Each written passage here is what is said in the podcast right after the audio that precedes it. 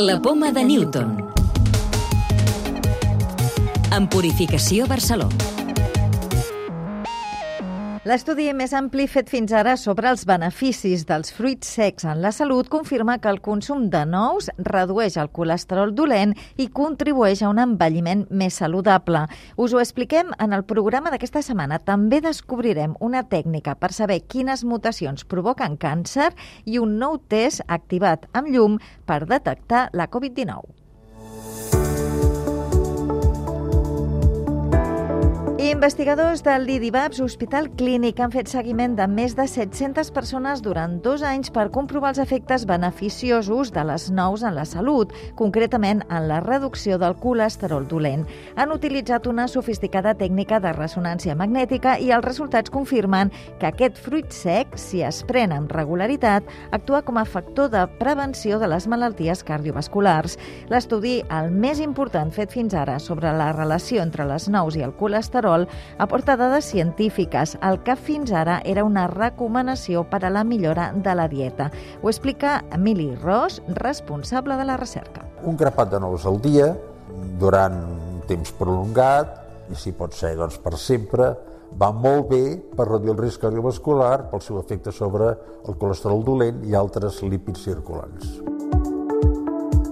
Es reduïa el colesterol dolent, l'LDL, no s'afectava el colesterol bo, l'HDL, però important, les partícules que transporten els lípids milloraven amb la seva composició i es reduïa el nombre total de partícules circulants, les més petites, que són més dolentes.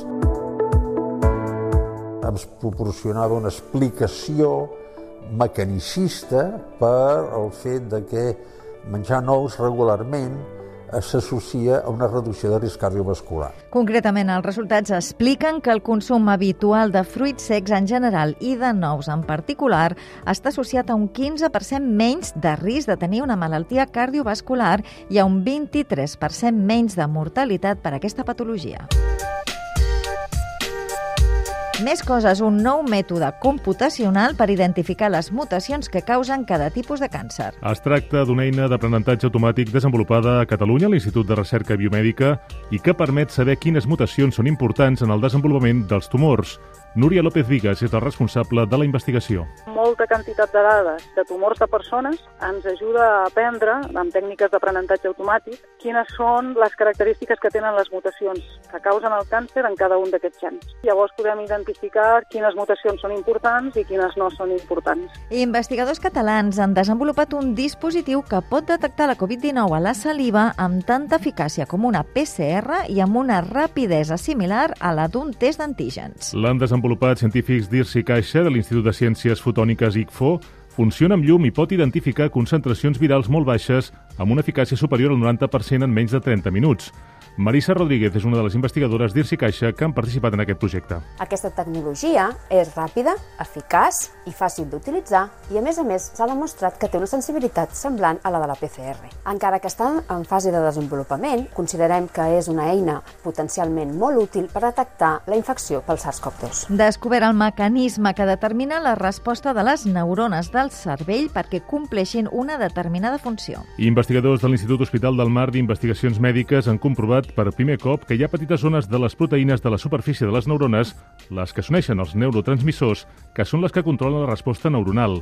La recerca és molt important perquè podria fer possible dissenyar estratègies per actuar en aquestes proteïnes per tractar determinades malalties, com poden ser l'esquizofrènia o bé comportaments addictius. Llibres de ciència.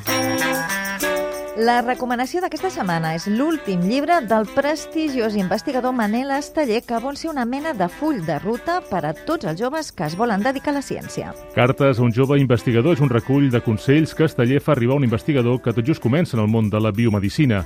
Entre altres coses, li recomana que no perdi mai la curiositat ni les ganes de saber més coses sobre el món que l'envolta.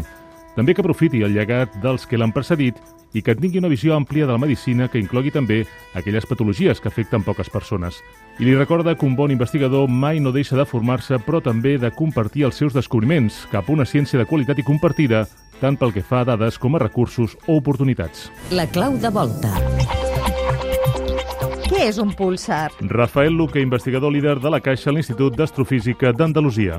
Un púlsar es un tipo de estrella que está compuesta de neutrones y es muy pequeña y extremadamente densa que gira a unas velocidades altísimas, con periodos de rotación de segundos o incluso más pequeños. Los púlsares tienen un campo magnético muy intenso que provoca que la radiación que emite la estrella se queda concentrada a lo largo de los polos. Al girar la estrella, este chorro de radiación es recibido por el observador de forma intermitente como si fuera una pulsación, por eso viene ahí el nombre. Recordeu que podeu descarregar-vos el podcast de la Poma de Newton o subscriure-us al programa per rebre'l directament als vostres dispositius.